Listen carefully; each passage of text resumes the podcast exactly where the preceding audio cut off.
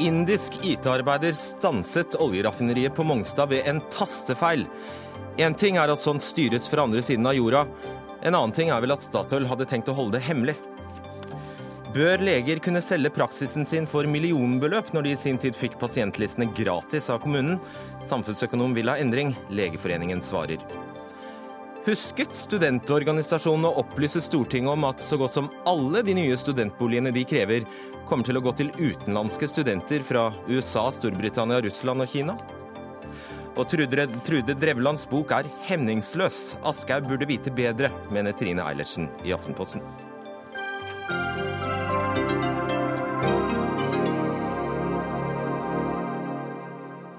Dette er Dagsnytt 18 på NRK P2 og NRK2. Jeg heter Fredrik Solvang. En IT-arbeider i India stoppet for to år siden produksjonen på Statoils oljeraffineri på Mongstad ved en tastefeil. Flere interne rapporter beskriver hvordan Statoils utflagging av IT-systemene av teknisk nett og kontornett til India, og faktisk også adgangskontrollen, har satt sikkerheten i fare. Mange reagerer på det de mener er hemmelighold og manglende rapportering til Petroleumstilsynet. Bård Lad Pedersen, kommunikasjonssjef i Statoil, hvordan er det mulig? Dette var jo en eh, uønska eh, hendelse der en server på Mongstad ble restarta av vår uh, IT-leverandør. Det medførte ikke en stopp, men det medførte at en lasteoperasjon som pågikk der, måtte gjøres manuelt. og Det medførte et økonomisk tap for oss på ca. 200 000 kroner. Og Denne IT-ansatte kom da inn bak brannmurer han ikke hadde noe å gjøre bak? Ja, dette er en server som man skal være på Mongstad for å kunne restarte, fordi at den eh, brukes i den operative eh, virksomheten. Derfor er dette en uh, uønska hendelse. Vi og Derfor er det også litt vanskelig å forstå. så Hvordan kunne det skje? Nei, det, det, Han hadde tilgang til en server som han ikke skulle hatt. og Derfor så fulgte jo vi opp den hendelsen grundig. Jeg må bare få adressere spørsmålet om Petroleumstilsynet. for De setter jo kriterier for hvilke hendelser som skal varsles til dem. Og vi mente at de, denne hendelsen ikke innfridde de kriteriene. Og jeg ser at Petroleumstilsynet er enig i det i dag. vi skal komme til det, Glad Pedersen. Ja. ja. Likevel så medførte jo hendelsen et omfattende oppfølgingsarbeid hos oss. Vi har grundig gjennomgått denne hendelsen. Og vi har verksatt uh, omfattende tiltak for å styrke sikkerheten. Så hvorfor får vi først vite det to år etter, da? Dette er jo hendelser som har kommet fram nå, men vi har jobba systematisk helt siden hendelsen. Hvorfor kommer det først fram nå? Vi mente at dette var ikke en varslingspliktig eh, hendelse, men vi snakker jo åpent om denne type eh, problemstillinger. Vi informerer om hendelser når de er av natur at vi syns det er er naturlig. Dette var ikke en varslingspliktig hendelse, men den leda til et omfattende oppfølgingsarbeid for å styrke sikkerheten internt i Statoil. Hvorfor må NRK fortelle dette til folk, og ikke dere? Vi har jo svart åpent på uh, spørsmål knytta til Ja, men ærlig talt, du skjønner, hva jeg, du skjønner hva jeg spør om. Hvorfor gikk ikke dere ut med dette? Fordi at vi oppfatter at dette ikke var en varslingspliktig uh, hendelse etter de kriteriene som er. Men vi sender jo ut uh, meldinger uh, når vi har hendelser som vi mener at vi bør informere om. Dette var ikke en sånn type hendelse. Likevel så har vi hatt et internt arbeid knyttet til dette. Diskusjoner i våre fagmiljøer. Oppfølging av vår leverandør. Diskusjoner med tillitsvalgte. Og det viktigste er jo at vi har fått iverksatt tiltak som bidrar til å styrke sikkerheten på IT-området. og Dette okay. er jo et tema i utvikling som vi er nødt til å jobbe videre med. hele. Noen vil også eh, kanskje synes det er viktig at vi andre får vite om det. Trude Skogedal, visepresident i eh, NITO. Din reaksjon på at uh, dette er en uønsket hendelse, som Glad Pedersen, men ikke en varslingsplikt igjen? Ja, vi er jo eh, eh, ikke her fordi at vi er så opptatt av sikkerheten. Eh, altså, Vi er opptatt av sikkerheten, det er det som er det viktigste. Eh, fordi at eh, varslingsplikten er, som, eh, som Statoil sier, en vurderingssak i forhold til graden av hvor han er kommet hen. Og om denne er feilgradert internt i systemene til Statoil, så kan jo det diskuteres. Det må jo forvente at Statoil rydder opp i sjøl. Men det som vi er opptatt av i NITO, er jo den sikkerhetsmessige aspektet i dette. For Vi har som fagforening over lang tid varslet eh, bekymring for outsourcing og offshoring av IKT eh, i, eh, i eh, næringer som er sikkerhetskritiske. Og den hendelsen som har kommet fram i NRK i dag, den viser jo at det er grunn til den bekymringen. Og da er jo vi litt opptatt av at de, det som, hvis det er riktig det som står referert i, i NRK i dag, så har jo Statoil egne rapporter som sier noe om bekymringen. Og jeg kan sitere eh, fra en, eh, en rapport fra 2014. Der står det det er betenkelig at personell i eksterne selskaper uten dokumentert kompetanse som sikrer en grunnleggende forståelse for funksjonene og sammenheng, sammenhenger på de involverte prosessnære systemene, har driftsansvar på denne infrastrukturen. Den store geografiske og kulturelle avstanden til ekstern leverandør opp øker den opplevde risiko, og muligens også den faktiske risiko. Og når de sitter med egne rapporter, egne anbefalinger, og eh, selv om det påstås at eh, her er det gjort mange tiltak, så er det det siste tiltaket som ikke er gjort, det er å ta tilbake igjen eh, driften av Accesset Plant. Og forklar det, Glad Pedersen. Hvorfor driver et indisk IT-selskap disse tjenestene for Statoil på Mongstad? Det er to problemstillinger som her er sentrale. Det ene er spørsmålet om hvilke tjenester som kan outsources.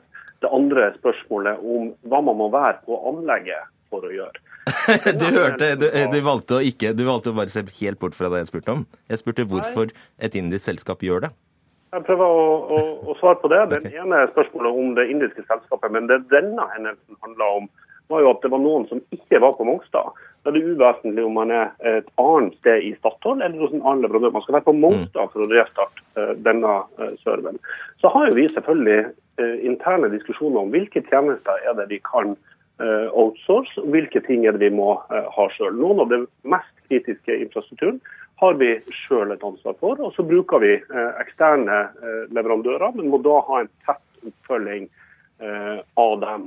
Denne hendelsen medførte både bedre fysisk sperring, sånn at man ikke har tilgang, eh, at færre hos våre leverandører har administratorrettigheter, og eh, bedre opplæring eh, av ansatte. Og alle okay. disse tiltakene bidrar i riktig retning. Nå ga jeg deg en mulighet til å faktisk Du, sa, du, du påsto du ville svare på spørsmålet, men du gjorde det jo faktisk ikke.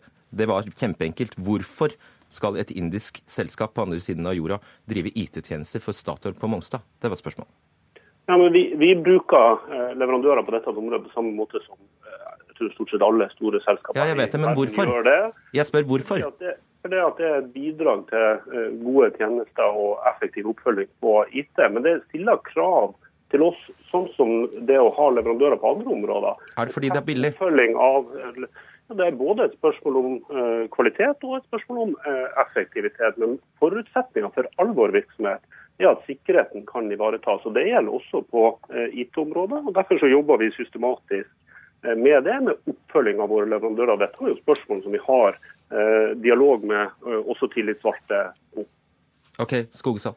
Ja, jeg, jeg, han sier et veldig viktig poeng her, og det er at det må være nærhet til det man holder på med.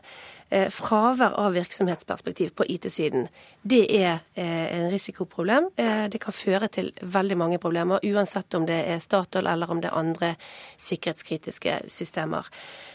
Og det, det, han sier i forhold til avgjørelser på kort, altså hvem som tar avgjørelser, det leder jo inn på noe vi har vært bekymret for før òg, og det er jo å, å påpeke det er det at beslutningstakere og ledere har for lite IKT-kompetanse. Og i Statoil, eh, som dette eksempelet viser, så har verken konsernledelsen eller styret noen som helst formell eh, IKT-kompetanse. Og da er det desto viktigere at de hører på eh, de interne rapportene som, lag, som gir råd ja, og, hvordan de skal og gjøre En av disse interne rapportene Bård Pedersen, eh, slår jo helt utvidet utvetydig fast det anbefales å tilbakeføre drift av brannmur, servere og nettverk på anleggene til internt personell som allerede er eller har vært involvert i disse løsningene. Det har dere altså valgt å overse. Jeg kan love at vi eh, I Statoil så lyttes det til fagmiljøene på dette området. og jeg mener faktisk at Vi har ganske sterke fagmiljøer. og vi har ja, Men er det tilbakeført? om disse tingene. Det er en diskusjon knytta til hvilke funksjoner som kan settes ut, og, også om noe burde tilbakeføres. Det har ikke vært tatt beslutning om det, men det er sånn at det mest kritiske utstyret, det skal man gjøre uh, internt. Og så er det viktig... Det men, men bare stopp, vent, vent, vent. Det har jo gått to år, og denne anbefalingen ser ganske så tydelig ut. Hvorfor har det ikke skjedd noe? En, en samla vurdering fra våre fagmiljøer det har ikke vært eh, riktig. Men det, dette er et spørsmål som vi har eh, diskusjon om, åpen diskusjon om, nettopp fordi at det er eh, viktig for sikkerheten at vi har den. At vi vurderer hvilke tiltak som er nødvendig eh, for å ivareta eh, sikkerheten.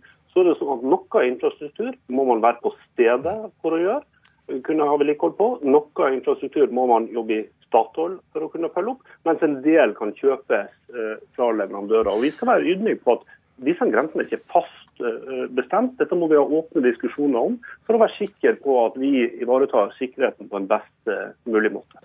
Trude Skogedal, du representerer altså en fagforening, og det er jo lett å mistenke dere for rett og slett å være ute i et ærend som handler om å be for sin syke mor. Norske IT-ingeniører her er vi kun opptatt av sikkerheten, og det gjelder sikkerheten for alle som jobber på et anlegg. Det er klart at når noen er ansatt på et eh, anlegg som Mongstad eller eh, hvor som helst, der det er en stor brann- og eksplosjonsfare, eh, hvis man ikke er sikker på at noen kan trykke på en knapp og utløse en farlig situasjon, så er det et stort problem som ikke bare gjelder våre medlemmer.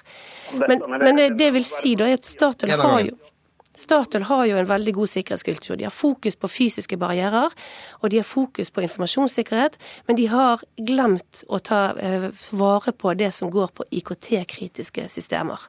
Ok, skal, siste, siste, replikk til deg, eh, Glad Pedersen, og du skal få med et spørsmål eh, på, på, veien. Altså, det, det, var, det, som skjedde her, var at eh, en last på 50 000 kubikk bensin var i ferd med å blandes for å bli lastet over til et tankskip på, tankskip på Mongstad da denne feilen inntraff. Hvor gærent kunne det gått? Det, I ytterste konsekvens var potensialet en, eh, en nedstenging på uh, Mongstad. Det var ikke uh, storulykkepotensialet. Og det er ingenting som tyder på at dette var et villa angrep. Den reelle konsekvensen var et økonomisk tap på rundt uh, 200 000 kroner. Men det som gjennomgangen i ettertid viser, det er at det var for dårlig kontroll med at man utenfra kunne komme inn på denne serveren. og Det er derfor vi har iverksatt så omfattende tiltak for å følge opp det. Så må man være ydmyk i alt sikkerhetsarbeid. Og neste gang... Hele tida hadde utgangspunktet at vi kan bli bedre. og Derfor så jobber vi hele tida videre med eh, disse typer problemstillinger, også når det gjelder IT-sikkerhet. Ålreit. Så håper vi at dere forteller oss det neste gang det skjer. Takk vi vil være åpne om hendelser i Statoil. Ja, så fint, da. Takk, Bård Lad Pedersen og Trude Skogesand.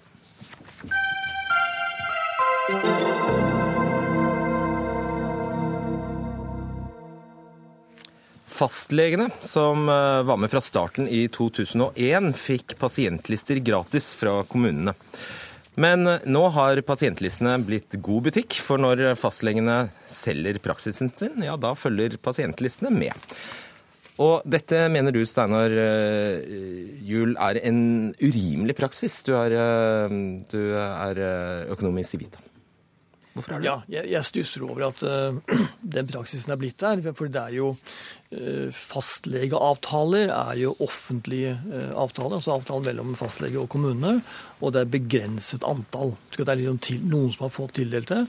Så det er et knapphetsgode som, som da leger sikkert sitter på. Og det var en ordning som man fikk opprinnelig, i 2001 tror jeg det var, tildelt gratis. Og nå i forbindelse med skiftet av fastlege, fastleger som finner sted med jevne mellomrom, eller stadig vekk, så, så, omsettes praksisen, inklusive disse avtalelistene, til ganske høye priser. Og det, og det er klart at det er mye av prisene her er drevet av at du da får tilgang til avtaler som det er knapphet på. En lisens, på en måte? Lisens, på en måte. Og dette er særlig da i, sentrale strøk. altså Rundt omkring i landet ellers så er det annerledes, men det er særlig i de kan si, Oslo, Bergen områdene og de store byene. De store byene.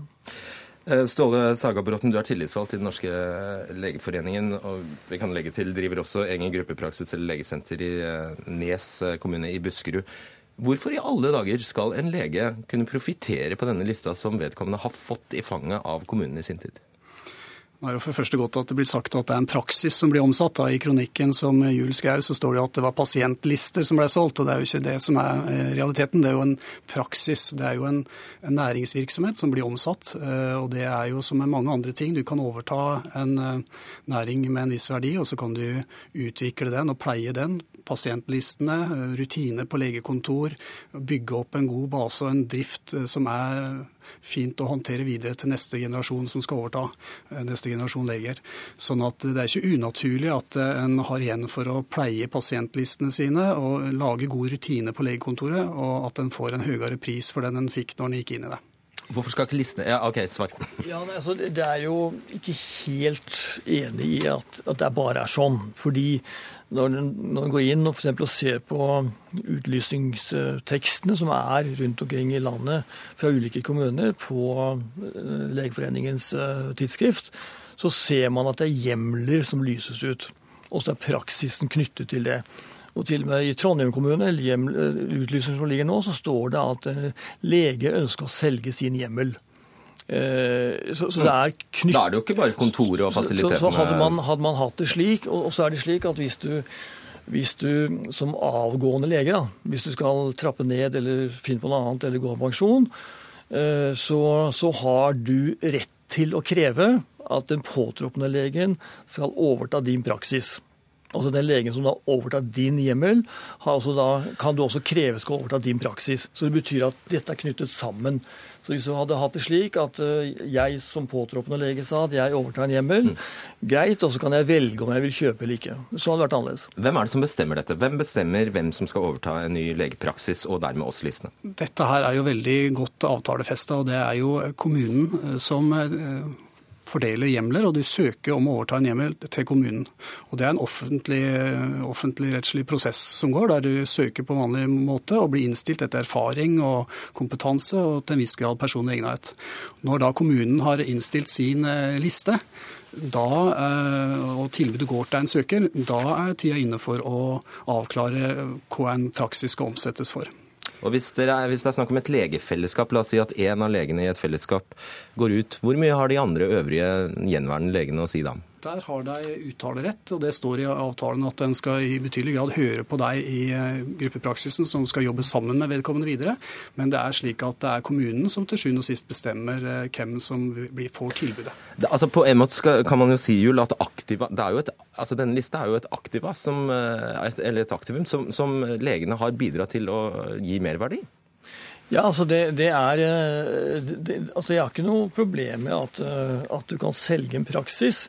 Eh, men det som er komplisert her, er at du, sånn som tannlege gjør, og sikkert advokat og alt mulig rart, som driver selvstendig.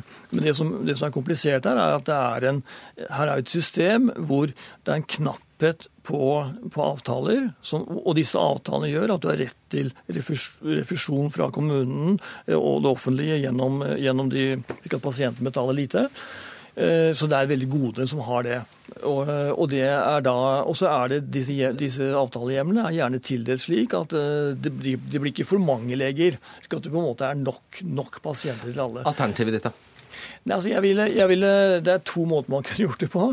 Det ene er at du sier at, eh, at du lyser ut hjemmelen for seg. Og sier at uh, vi har en hjemmel ledig, i, gjerne i en, en, eller annen bydel. Du kan fritt velge om du vil uh, overta praksisen til den som skal uh, slutter, eller åpne praksis i, kontor, i et bygg ved siden av. Det er opp til deg.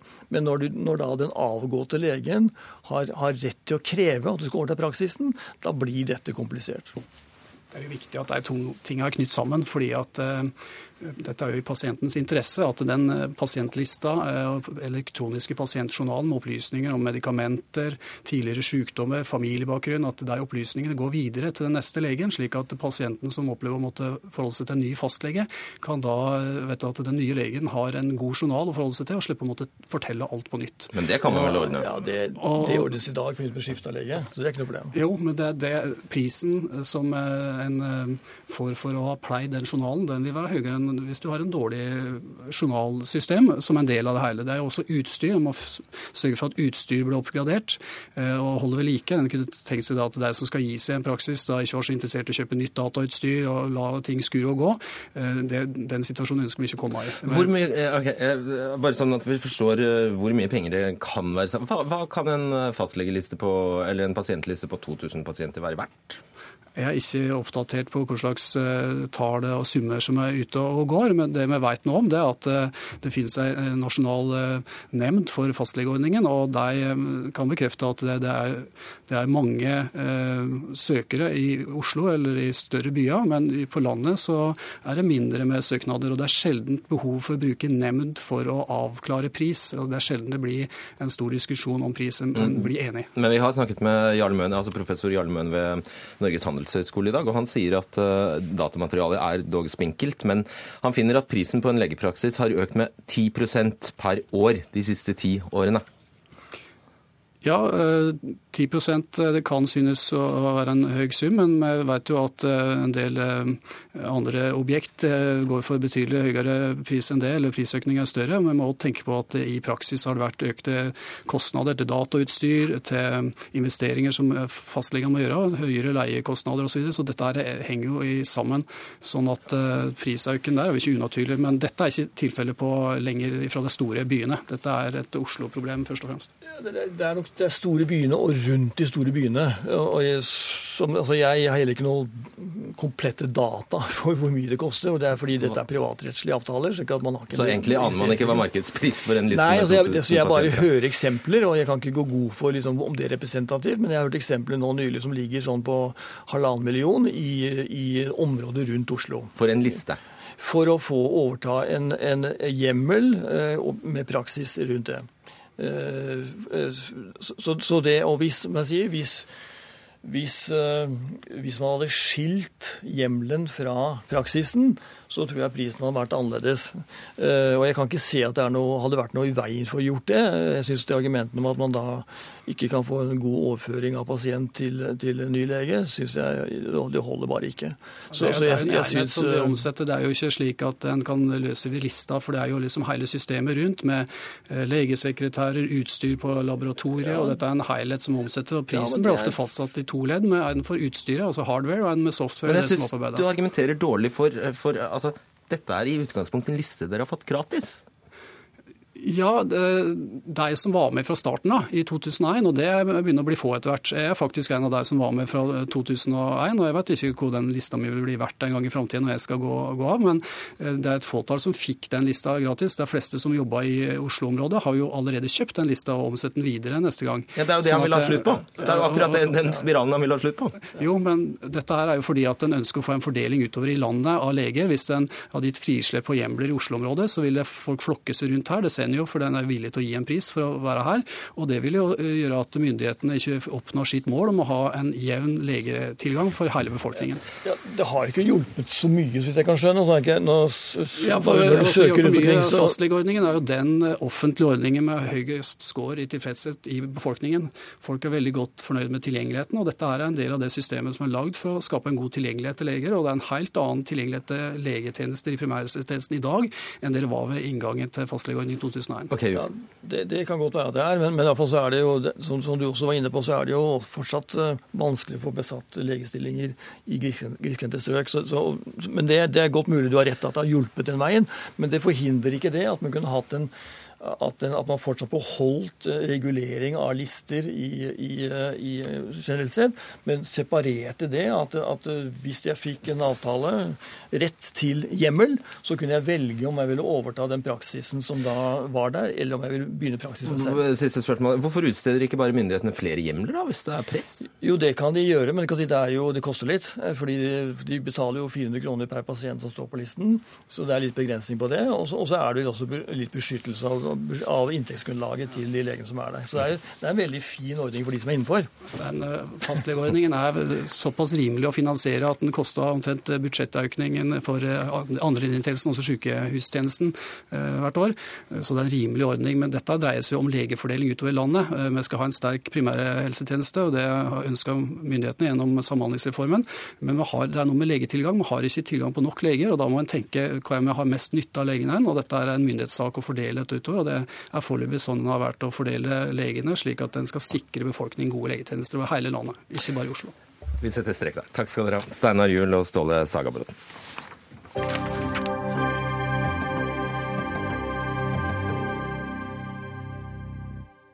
I Oslo og Akershus går nå 70% av de ledige studentboligene til utenlandske studenter. Bergen I Bergen er tallet 64% viser offisielle tall fra studentsamskipnadene. De utenlandske studentene har boliggaranti og studerer gratis i Norge. Hvert år øker antallet utenlandske studenter her i landet med over 2000, og hvert år bygges det om lag 2000 nye studentboliger. Så i prinsippet bygger vi da altså hybler til amerikanske, britiske, russiske, kinesiske studenter. Hvorfor det? Alexander Jøsæter, leder for Velferdstinget i Oslo og Akershus. Det er altså dere i disse velferdstingene rundt omkring ved studentsamskipnadene som lager disse reglene eh, for hvem som skal prioriteres. Hvem er det da som har bestemt at utlendingene skal ha boliggaranti? Eh, det er det vi som har bestemt. Eh, studentene i Oslo. Eh, for det er jo vi som bestemmer hvem som skal prioriteres først når SIO, samskipnaden i Oslo, skal fordele sine boliger. Og Vi har 9000 boliger å fordele, og vi har bestemt at det er de internasjonale studentene på avtale som skal prioriteres først. Hva betyr på avtale?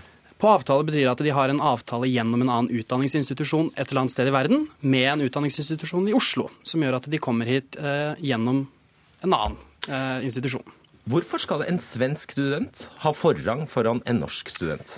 Eh, sånn som det fungerer, så kan jo ikke vi bare begynne å gradere studenter med litt internasjonal, mer internasjonal og mest internasjonal. Så den svenske studenten Det kunne du vel? Nei. Det blir jo veldig vanskelig. Så eh, internasjonal er internasjonal. Ja, så forklar, Hvorfor skal en svensk student ha forrang for en norsk? Fordi de, de er eh, internasjonale studenter. Og det er, ja, ja. det er vanskelig å Ja. Var det et svar? Fordi de er internasjonale?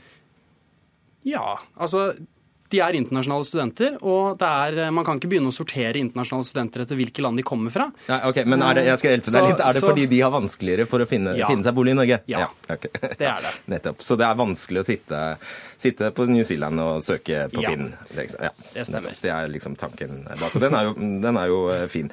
Pål Adrian Ryen, nestleder i Norsk studentunion. Det er jo dere som helt årvisst skriker opp om at vi trenger flere studentboliger her i landet. Har dere opplyst Stortinget om disse tallene? At dem vi nå bygger studentboliger til, er stort sett utenlandske studenter? Eh, det vil jeg eh, påstå. Eh, det er bred enighet om at internasjonalisering i høyere utdanning er særdeles viktig for at vi skal få den kvaliteten på utdanninga som vi sikter etter. Og Regjering og storting og sektoren generelt er enige om at vi skal sikte etter å være best. Og Da er det viktig at vi får inn perspektiver eh, på tvers av landegrensen. Både for oss som norske studenter som veksler ut, men også internasjonale studenter som veksler inn til Norge. Ok, Da håper jeg ingen andre trenger å, eh, å dra den eh, leksa med internasjonalisering. Nå er det gjort. Nå kan du svare på spørsmålet. Har dere informert Stortinget om at sju av ti studentboliger går, som dere har tenkt å bygge, går til utenlandske studenter? Har dere informert Stortinget om det? Uh, nå er det uh, Den sittende regjeringa har sørga for at uh, studentene har flertallet i studentsamskipnadsstyret. Mm. Og da har de samtidig gitt oss tilliten til å forvalte studentboligene sånn som vi ser best. Og bygge en studentbolig er et spleiselag mellom eh, regjering, storting og studentene sjøl. For det bevilges 40 eh, i underkant av 40% bevilges over statsbudsjett. Resten er det vi studentene sjøl som betaler, og da føler vi at vi har rett til å forvalte dem sånn som vi ser best på de forskjellige institusjonene. Eh, Henrik Asheim, stortingsrepresentant for Høyre. Visste du det? Var du informert? Altså, det er ikke sånn at vi legger oss opp i det. for å være helt ærlig. Jeg skal ikke påstå at NSO eller velferdstingene har på en måte ført Stortinget bak lyset på dette. Nei, jeg ble spurt bevilger- om du visste. Ja, nei, Jeg var ikke klar over at tallet var så var høyt. det, nei. men, men jeg kjenner jo for så vidt til de retningslinjene som eh, hver enkelt samskipnad har lagt. Og det er riktig som NSO her sier, at det vi gjorde, var at vi ga makten tilbake til studentene. Vi sa at altså, arbeidsdelingen er enkel. Vi bevilger pengene, vi får bygget studentboligene. Men hvordan eh, studentsamskipnadene da prioriterer det, det er opp til dem. Alternativet er at vi skal sitte på Stortinget og lage en slags kø på hvem som skal få studentboliger, og det tror jeg ikke ville vært noen god løsning. Hva syns du om det? Nei, altså Jeg er enig i at det er et problem. når vi, altså Det vi overtok da vi kom i regjering i 2013, var jo et etterslep på studentboliger. Det ble bygget færre studentboliger enn det ble studieplasser eh, tildelt. og Det betyr at etterslepet vokste. Så har vi i vår periode nå bygget dobbelt så mange studentboliger som de rød-grønne gjorde i tempo. Og vi har gjort det hvert år, ikke bare når det er valgår, som de rød-grønne gjorde, men hvert år. Og Det gjør igjen at eh, nå tar vi på en måte igjen mye av det. Men jeg ser absolutt utfordringen i at når vi da får 2000 eh, utenlandsstudenter og 2000 studentboliger i året, så vil jo det selvfølgelig da bety at mange norske studenter ikke får de plassene. Men det er viktig å si at de utenlandsstudentene, hvis de ikke hadde fått studentbolig, så ville de jo vært inne i det private leiemarkedet, og da ville jo problemet vært det samme. Ja, Hvis temaet er boligpress, eller hvis bekymringen er press i boligmarkedet, Ja. så er det relevant. Ja. Ola Borten Moe, nestleder i Senterpartiet. Du mener faktisk at dette er noe dere på Stortinget kan stikke nesa dere, deres opp i?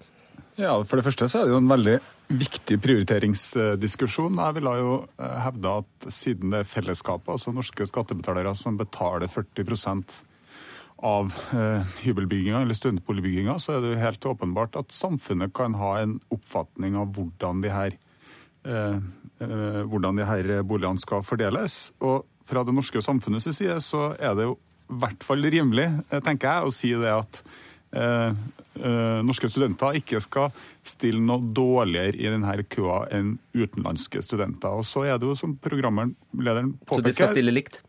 Ja, i hvert fall likt. Eh, og så er det som programlederen påpeker, det blir jo veldig veldig rart eh, når vi bygger stadig flere studentboliger uten at vi klarer å øke bevilgningene, uten at vi klarer å løse problemet, fordi at vi har gitt internasjonale studenter forrang, og fordi at Norge er en av veldig få land som tilbyr gratis utdanning eh, til verden. Skal jeg fortelle deg en ting? Eh, hvis du f.eks. kommer fra Tanzania og du vil studere i Norge, så krever UDI en ferdig signert eh, leiekontrakt av deg for at du i det hele tatt skal kunne komme inn i, i landet. Så det problemet vil eh, Du har et problem der. Tenker du på at jeg har et problem med det? altså, det, Nei, det ville vil være vanskelig det å gjennomføre det du sa. Nei, det har ikke jeg noe problem med i det hele tatt. Jeg tenker at Hvis du skal til Norge, så er det jo en del åpenbare krav som skal på plass. Men det betyr at det ikke kommer noen? Du kan ha oppholdskrav, ja, da kommer det ingen. Eh, Ellers så kommer det da folk som er i stand til å skaffe seg de papirene som er nødvendige for at man skal komme inn. Ja, Dette er jo litt typisk, ikke sant? fordi det er det man sier, at målet til Senterpartiet med dette utspillet er jo da å stoppe internasjonaliseringen, eller å ikke få så mange utenlandsstudenter inn. Det tror jeg er en dårlig løsning.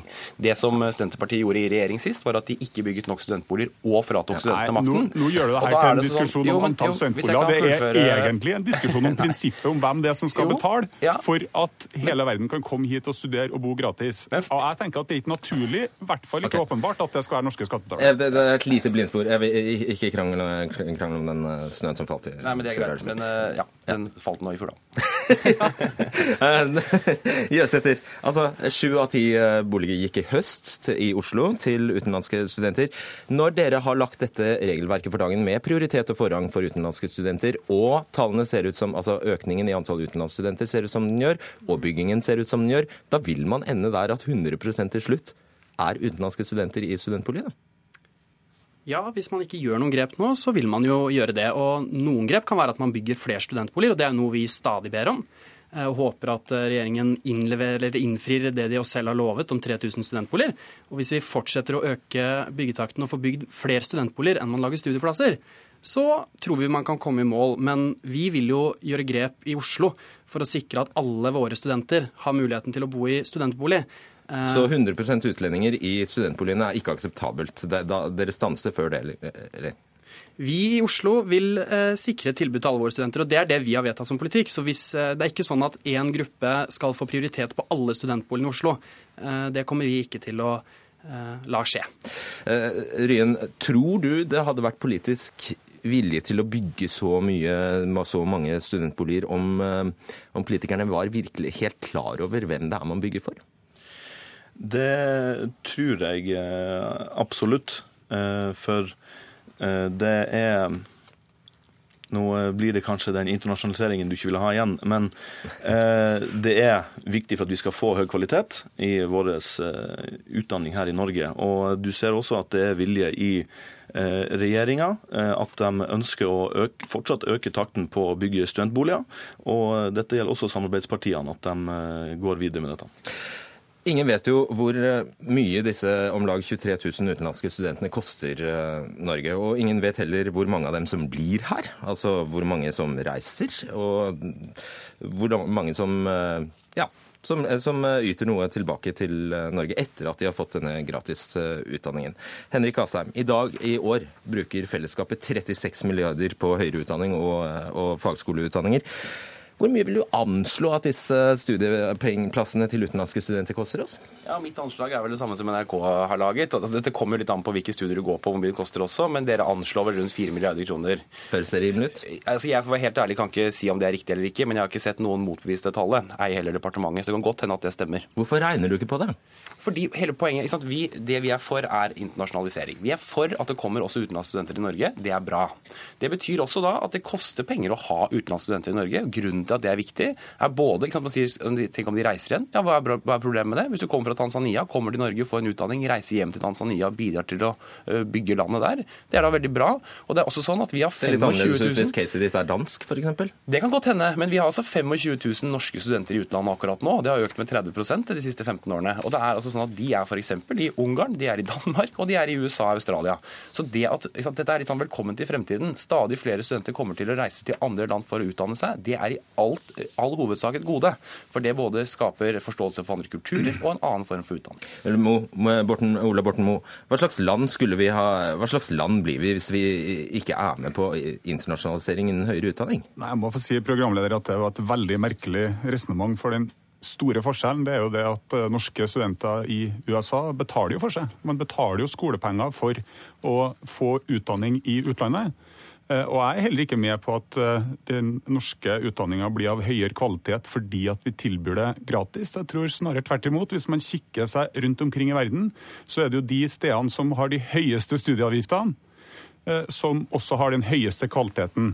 Og det kunne, det kunne, man jo absolutt også ha, eh, ha reflektert litt rundt. Og så mener jeg jo også prinsipielt at det norske skattebetalere bør finansiere, primært er utdanninga av eh, våre egne borgere. Og Så skal vi selvsagt ha et åpent system der folk kan komme til Norge og studere, men det er da rimelig at de betaler for det på samme vis som vi betaler for oss i utlandet. Um, Eh, Pål Adrian Ryen, det er jo eh, problematiske sider ved både om de blir eller om de reiser hjem igjen så snart studiene er over. Hvis, eh, hvis de som kommer fra Bangladesh hovedsakelig blir i Norge, så kan vi bidra til det, eller Filippinene f.eks., så kan vi bidra til det som kalles brain drain. Spørsmålet er om jeg er enig i det, eller? Jeg sier eh, spørsmålet var Jeg sier det er jo problematiske sider ved internasjonalisering også. Dette er uh, kanskje en av dem at det er dilemmaer man blir stilt overfor. Både om de blir, eller om de reiser så snart de er ferdig. Ok. Ehm, jeg, eh, jeg, ser at det er både fordel, jeg ser at det er fordeler med at noen blir, og at noen reiser tilbake igjen. For dette gjør at vi får innsikt i f.eks. For forretningskulturer rundt omkring i landet. Og dette er med på å styrke norsk næringsliv. Og gjør at vi får en bedre forståelse om hvordan eh, handel her kan drives, f.eks. Og vi ser ikke på eh, gratis høyere utdanning som en byrde, men heller et konkurransefortrinn.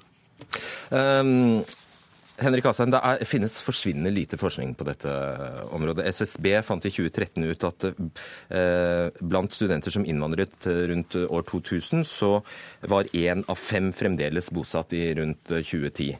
Én eh, av fem bare.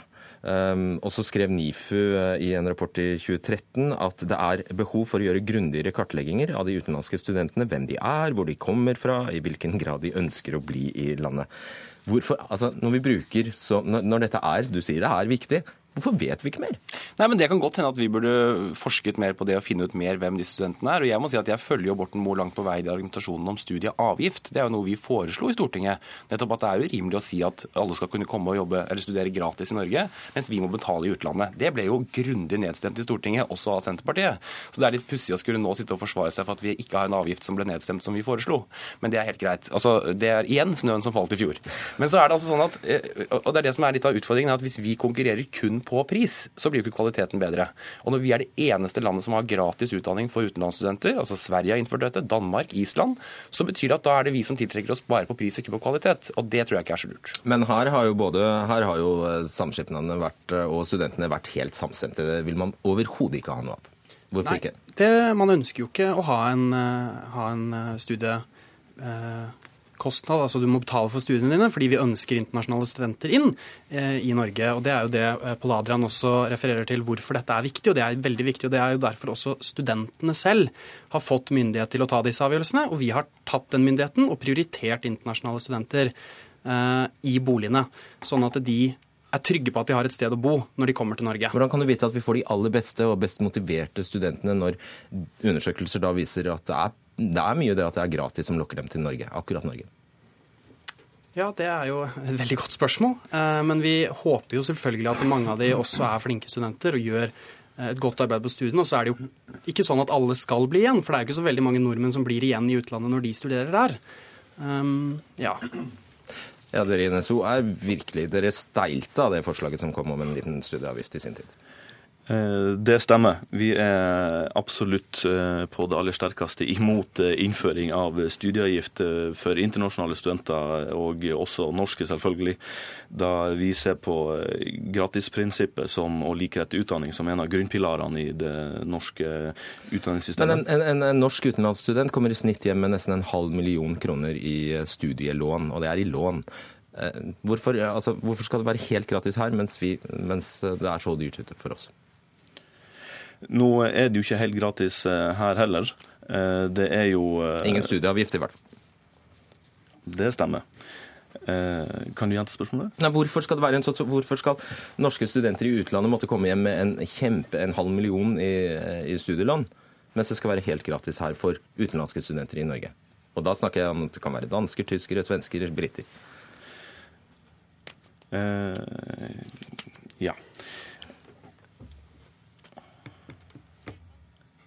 Ja, eh, altså, er, er, det rettferdig? Er det, er det rettferdig? Hvis vi snakker om utveksling, at det er internasjonalisering, så må det gå begge veier. Altså, Det går jo begge veier. og Norske studenter får jo, eh, blir jo prioritert når det gjelder eh, boligsituasjonen i eh, utlandet også. Eh, når det gjelder det der.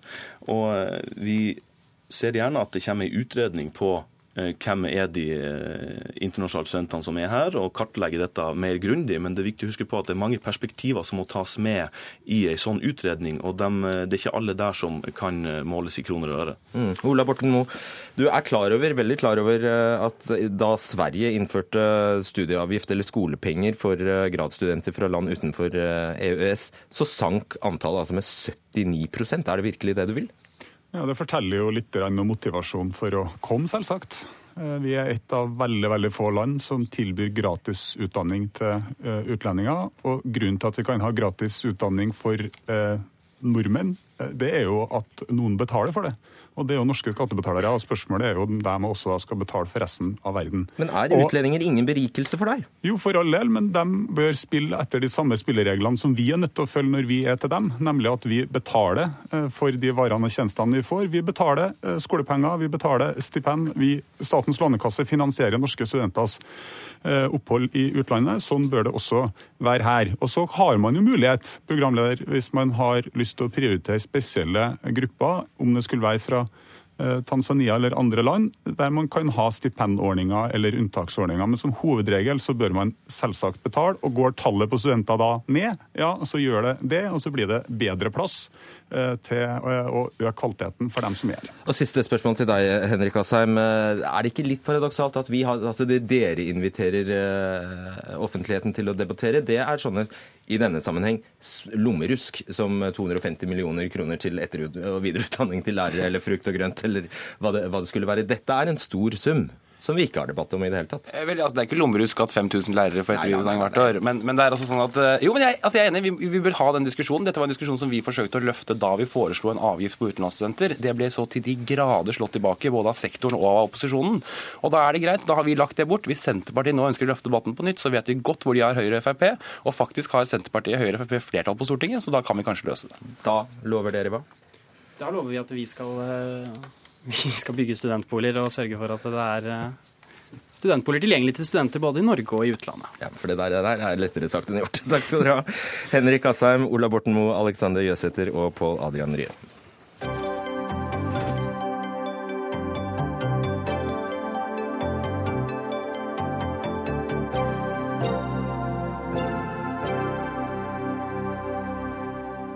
Russlands utenriksminister Sergej Lavrov sier han vil bruke mer makt i Midtøsten og ikke mange timene etterpå ber det russiske forsvaret Putin, president Putin om å få gjenoppta angrepene mot Aleppo.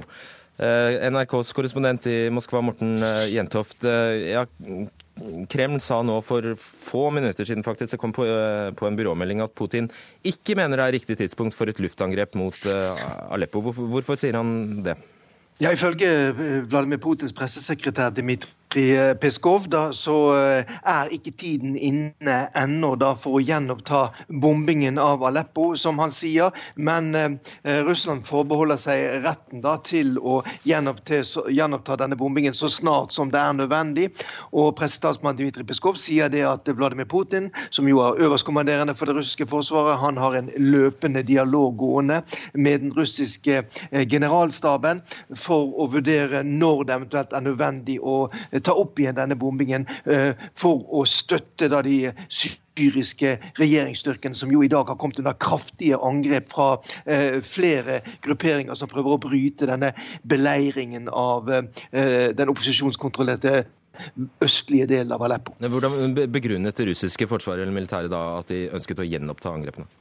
Ja, Det er nok helt sikkert pga. Denne, denne offensive denne offensiven, eh, Nå kommer det jo litt motstridende meldinger her, men den er tydeligvis ganske godt koordinert. Bl.a. denne gruppen Jabhat Fateh al-Sham, som jo eh, tidligere var knyttet til Al Qaida. Den har nå gått sammen med andre grupperinger som eh, har stått under denne frie syriske armeen i et felles angrep da på eh, de regjeringsstyrkene. og Det er helt tydelig at de har hatt en viss framgang. De har angrepet den vestlige delen av Aleppo. De har til og med skutt også raketter mot denne Hemeimin-flybasen hvor de russiske jagerflyene opererer ut ifra. Så det er tydelig at dette er et stort angrep, og nå vurderer altså eh, de russiske militære det som nødvendig at flyvåpenet nå settes inn tett inn på Aleppo. Russerne sier at de ikke har angrepet eh, mål nærmere 10 km av Aleppo de siste ni dagene. Eh, så det er, eh, det er altså luftangrepet eh, Lavrov sikter til når han sier 'bruke mer makt'? Det er, det, det, er slik makt man snakker om? Ja, nå vet vi at det var et møte i dag sant, der både Irans utenriksminister og den syriske utenriksministeren møtte Sergej Lavrov her i Moskva. Det var etter det møtet på pressekonferansen Sergej Lavrov snakket om at det kanskje var nødvendig å bruke mer makt. Russerne har jo iallfall offisielt ikke bakkestyrker inne i Syria. Men eh, det er jo kjent at Iran har flere tusen såkalte rådgivere eh, på de syriske regjeringskontrollerte regjeringsstyrkenes side. Sånn at eh, disse tre landene spiller jo en, en, en, nøkkelrolle, eller Iran og Russland spiller jo en nøkkelrolle i den offensiven som de syriske regjeringsstyrkene eventuelt skal sette i verk. Og det vil jeg gjerne spørre deg om, fordi, fordi Lavrov sa, understreket at han forventer sitat, konstruktive løsninger sitat, slutt på krigen i Syria. Syria, der, der, som du sier, både Russland og Iran og president eh, Eller Russland og Iran er, er nære støttespillere av eh, president al-Assad. Hva slags konstruktive løsninger kan det være snakk om? Det viktigste som nå blir kjørt frem veldig sterkt fra russisk hold, er jo det at nå må Vesten og USA forstå hvilke grupper de har flørtet med i Syria. Eh, fra russisk hold så er man enig med Assad at eh, de grupperingene som er inne i eh, den opprørskontrollerte delen av Aleppo, de er å regne som terrorister. De skal få kunne komme ut av byen hvis de legger ned våpnene. Men fra russisk hold så mener man at Vesten ikke har klart å å skille mellom terrorgrupper og, og kan du si, mer moderate grupper, og at det er det som er hovedårsaken til den akutte situasjonen som man er kommet opp i akkurat nå. Mm. Så det går mot en kraftig opptrapping? Det ser jo eh, sånn ut. og Det som har skjedd nå de siste timene, denne henvendelsen fra eh, det russiske generalstaben til Vladimir Putin, og Putins da foreløpige nei, kan jo virke litt som et, et spill for galleriet for å vise at eh, russerne ikke eh, på død og liv bare er ute etter militære løsninger, eh, men at de kanskje eh, vil vente og se litt før de eventuelt setter inn sitt flyvåpen for fullt igjen i, i det slaget som nå raser om Aleppo. Takk for at du kunne være med oss på kort varsel, Morten Jentoft.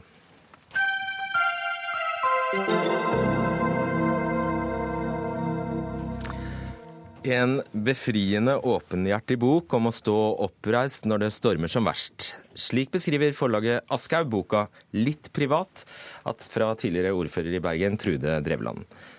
Nei, en hemningsløs bok hvor forlaget har sviktet både forfatteren og menneskene som blir omtalt av henne, sier du for politisk redaktør i Aftenposten, Trine Eilertsen, hemningsløst?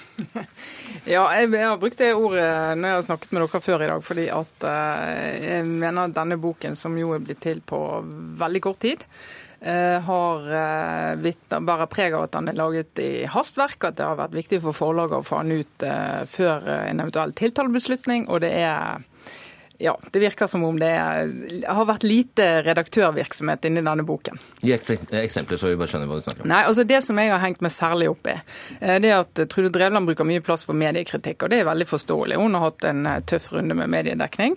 Eh, og En måte hun, eh, hun, gjør det på, eh, det er å, å, trekke frem en redaktør i Bergens Tidende som døde av kreft for tre år siden, som ikke hadde noe med denne dekningen å gjøre. Som hun veldig, var veldig glad i. Hun beskriver denne redaktøren fint. Alle vi som kjenner han er enig i at han var en fin fyr. Men hun skriver at hadde han fått leve, så hadde BT hatt en, en annen etisk standard. Med andre ord, da hadde de nok ikke vært så slemme. Hun og i hennes verden er jo slem er jo mediedekning. kritisk mediedekning, eh, som de nå var. Og det, Med det oppnår eh, hun to ting. Det ene er å faktisk eh, stille spørsmål ved integriteten til en mann som ikke kan svare for seg. Han er død. Det andre hun oppnår, det er å skyte de som faktisk var ansvarlig for den dekningen, i knærne på en måte ved, som de ikke kan egentlig svare på. Og Det er en utrolig feig måte å, å hevne seg på Bergens Tidende, som har hatt den tyngste dekningen av Drevland-saken på, som jeg mener at forlaget burde prøvd å beskytte Trude Drevland, som jeg vet ikke har hatt noe ønske om å snakke stygt om den redaktøren eller stille han i et rart lys. Jeg vet hun har hatt ønske om å ramme de som var ansvarlig, eh, og det rammer de på en måte som er umulig å forsvare seg mot. Og Det syns jeg er, er litt grisete gjort. Og det er da vi skal legge til at du har vært jeg har vært sjefredaktør i BT før, og jeg kjenner alle de involverte. Absolutt. Ja. Og du mener altså at denne, altså, denne, passusen her om uh, den avdøde redaktøren burde vært redigert ut, rett og slett? Ja, det mener jeg. Ja, ok. Kari Spilnes, forlagsredaktør i. La ta dette med hastverket først. Ja, det vil jeg veldig gjerne få kommentere. For her uh, tar Trine Eilertsen rett og slett helt feil, og hun vet ikke hva hun snakker om. Uh, jeg har ikke tenkt å gå i detaljer her i Dagsnytt 18 om hvordan arbeidet med Trude Drevlands bok har vært i forlaget. Men jeg kan forsikre Trine Eilertsen om at det overhodet ikke har vært noe hastverksarbeid. Eh, Desto vi... verre da, kanskje? Det kan man godt mene, men eh, det er jo ikke vår mening. Vi står fullt og fullt helt inne for boken som er utgitt, og vi er faktisk stolt av den. Og vi mener at Trude Drevland gir et sjeldent innblikk i hvordan det er å være utsatt for et massivt medialt eh, oppslag og press, må man jo kunne kalle det. Sånn som bl.a. bergenspressen har fått fulgt henne i lang tid. I en sak hvor hun personlig er i en meget krevende livssituasjon. Er. Hvor lang tid, selv om du ikke trenger ikke å gå i detaljer, men mm. hvor lang tid sånn cirka har det blitt? Nei, altså Det jeg kan uh, fortelle om, som også står i boken, er at arbeidet med denne boken ble påbegynt lenge før det også forelå noen siktelse mot Trude Drevland. Forlaget tok kontakt med Trude Drevland i oktober 2014. Det er mm. to år siden. Okay. Uh, det står også bak i boken at arbeidet med boken ble avsluttet i slutten av august. Hvis man kan litt om forlagsarbeid, så vet man at da har det ikke vært spesielt dårlig tid i forhold til å kunne utgi en bok i slutten av oktober. Så dette er ikke ikke et hastverksarbeid. Det er viktig for meg å understreke. Men det, men, det, men det, jeg lurer på, og satt og lurte på når jeg leste denne boken, så tenkte jeg hva er det å være forlagsredaktør? Hva er, hva er det du har som jobb da? Er det å eh, dele boken opp i kapitler så du har en fornuftig struktur, sørge for at det ikke er for mye kommafeil og finne et bilde til coveret, eller er du i en diskusjon med forfatteren hvor du prøver å utfordre forfatteren på passasjer som faktisk er direkte uetisk å ta med i boken? Er det en diskusjon, eller er det, det er helt fraværende? Det er på alle mulige måter en diskusjon, og her er det nok sånn at Trine Eilertsen og jeg er uenige om hva som er uetisk og ikke, ikke etisk i denne sammenhengen. For du mener dette var etisk? Ja, men ta, episode, ta, ta dette her med den avdøde Jeg vil gjerne kommentere akkurat denne episoden i boken. Jeg må bare først få si at en av de tingene som en forlagsredaksjon Vi er jo ikke bare én person som jobber med et manuskript i et forlag, vi er flere. Det er en del av vår kvalitetssikring at vi er flere som leser i mange runder. Og vi går mange, mange runder med forfatter, nettopp fordi vi går gjennom alle avsnitt, alle scener, alt som beskrives. Eh, så det har vi gjort også i dette tilfellet. Eh, Trine Eilertsen sa selv her da hun beskrev scenen innledningsvis, at eh, Trude Drevland gir en honnør til en person som hun opplever at har vært en viktig person i og for Bergens Tidende. Det er også den posisjonen som denne scenen fremgår i for de som leser boken. Dette er ikke noen kritikk av den avdøde personen. Nei, Tvert om. Nei, det er det, det er en rosende beskrivelse av den personen. Du... Trine Eilertsen ønsker her å trekke på en måte Trude Drevlands utsigelsesposisjon i tvil. Hun er uenig eller liker ikke Trude Drevlands utsigelser. Det har hun jo full rett til. Men Trude Drevland har også rett til å ytre seg om en medieperson som hadde en viktig stilling i norsk offentlighet, som hun har opplevd som ordfører, som leser av Bergens Tidende. Men, men dette er jo ikke det det handler om, kjære deg. Det står jo i boken under en lang harang der hun kritiserer hele bergenspressen for at de har drevet med forferdelig heksejakt på henne, og hvor uetisk de er blitt, og hvordan markedskreftene har tatt helt knekken på dem, og de jakter på oppslag. Hadde han vært redaktør i BT fremdeles, så ville de ha drevet med en annen etikk. Hun går inn i hodet til en som ikke kan forsvare seg, og sier egentlig at han ville stått på hennes side, og det har hun ikke noe rom eller mulighet for å gjøre. Hun vet ikke hva han sto for. Hun åpner for spekulasjoner av hvordan han ville agert i en sak som han ikke var med på. Enhver som leser dette avsnittet, vil skjønne at dette er en betraktning som står for Trude Drevlands egen regning. Det er umulig å ikke lese det annerledes. Eh, det som alle jeg har snakket med i dag, og det er mange flere enn deg, er uenig. De har jo bl.a. høstet en SKU-pris for sitt arbeid med denne saken. De har hatt store ressurser på den, arbeidet med den over lang tid. Jeg er ikke overrasket over at representanter for Bergens Tidende, eller som kjenner miljøet i Bergens Tidende godt, er kritiske til Trude Drevlands omtale av Bergens Tidende i sin stille deg et enkelt eh, spørsmål. fordi eh, Er det å leve seg inn i hodet til en død person greit? Det her må man jo hele tiden se på hvordan det gjøres. Eh, jeg kan ikke svare generelt ja eller nei på det spørsmålet. Slik denne passasjen er gjengitt i Trude Drevlands bok, mener jeg og Aschehoug Forlag, vi er flere lesere her, at dette er en helt fin og god beskrivelse okay, som gir uttrykk greit, for Trude Drevlands situasjoner er det ikke greit? Ja, vet du hva, Da må jeg faktisk sitte med eksempler foran meg. Jeg har ikke lyst til å snakke generelt om det. Men svaret på det må jo være nei. Du kan jo ikke sitte og sette, la en sette seg inn i hodet på en som ikke kan svare på det, som er død, og tillegge han meninger og sette han på ditt lag i en sånn sak. Faktisk, du gjør deg litt dummere enn du er. Når man leser en tekst, så skjønner man også at noen ting leser man i overført betydning. Det er ingen her som tror at Trude Drevland har satt seg inn i hodet til en avdød person. Hun gir uttrykk for et synspunkt, og det skjønner de som leser boken. Er det ikke nesten som om man, man pleier jo, det er jo helt vanlig å si at uh, noen ville ha snudd seg i grava. Er det ikke nesten en talemåte? Nei, Dette er annerledes. og Dette er en måte å, å, kritisere. Den noen ønsker å kritisere, er jo daværende sjefredaktør i Bergens Tidende, som ikke var med. La meg understreke det. Jeg har ikke vært inne i dekning av denne saken i det hele tatt. Eh, Gard Steiro, eh, som, hun, som, var ansvarlig for etikken både da denne saken gikk, og da, da den avdøde redaktøren var redaktør.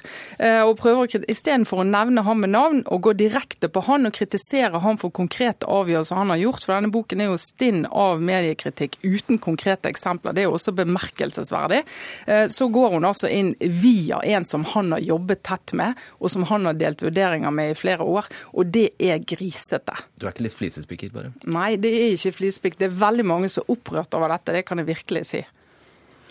Ja, jeg leser dette, og mange med meg, helt annerledes enn det Trine Eilertsen gjør. og Jeg tror vi må anerkjenne det, og Trude Drevland må få lov å ytre seg fra sin posisjon som klart. et mye omtalt medieobjekt. Men, men, bare litt om det til tidspunktet. Altså, nå er jo, Ja, det det er jo ikke avgjort si om. om denne korrupsjonssaken når skal det inn i en kommer tiltale og en påstand rettssak. om Så at vi hvorfor skulle før? ha hastet det fram før, så er jo, tror jeg også Trine Eilertsen klar over at Trude Drevland i lang, lang tid eh, har vært eh, en del av en prosess hvor hun overhodet ikke kjenner tidsplanen eh, som ligger hos politiet eller statsadvokaten. Så ikke på noe tidspunkt i denne prosessen, i hvert fall det siste halve året, har Trude Drevland selv visst når noe ville skje.